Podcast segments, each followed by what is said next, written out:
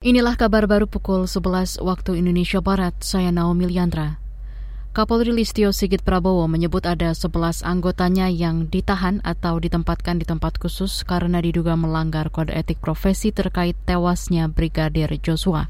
Dari belasan yang ditahan itu, tiga di antaranya berpangkat jenderal. Kemarin ada 25 personil yang kita periksa dan saat ini bertambah menjadi 31 personil. Kita juga telah melakukan penempatan khusus kepada empat personel beberapa waktu yang lalu dan saat ini bertambah menjadi 11 personel Polri terdiri dari satu bintang dua, dua bintang satu, dua kombes, tiga AKBP, dua kompol dan satu AKP. Dan ini kemungkinan masih bisa bertambah. Itu tadi Kapolri Listio Sigit Prabowo. Sementara itu Inspektur Pengawasan Umum Irwasum Polri Agung Budi Marioto menambahkan dari belasan anggota yang ditempatkan khusus, tiga di antaranya ditahan di Mako Brimob. Salah satunya yakni Ferdi Sambo. Agung menyebut para anggota Polri itu diduga tidak profesional dalam olah tempat kejadian perkara TKP dan terlibat pengambilan barang bukti. Polisi menetapkan Ferdi Sambo menjadi tersangka pembunuhan berencana terhadap Brigadir J. Sambo menjadi tersangka bersama tiga anggota Polri lain.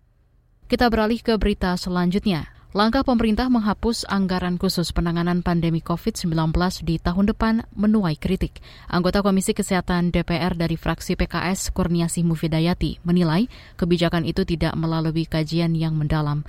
Menurutnya anggaran khusus penanganan pandemi masih diperlukan, apalagi Organisasi Kesehatan Dunia atau WHO belum mencabut status pandemi. Pemerintah kita ini sering kali mengeluarkan regulasi ataupun kebijakan yang bersifat sering berubah-ubah, kurang berbasis kepada kajian mendalam gitu loh. Disebutnya evidence based policy-nya kurang mendalam sehingga sering berubah-ubah dan prediksinya jadi sering kurang pas juga. Nah ini yang membuat sering terjadinya ketidakpercayaan di masyarakat karena berubah-ubahnya kebijakan. Sehingga ini untuk menghapuskan angka itu kan nggak mudah eh, di tengah situasi yang kita masih belum tahu. Anggota fraksi PKS DPR Kurniasi menambahkan, seharusnya pemerintah lebih dulu berkonsultasi dengan ahli independen terkait kebijakan anggaran.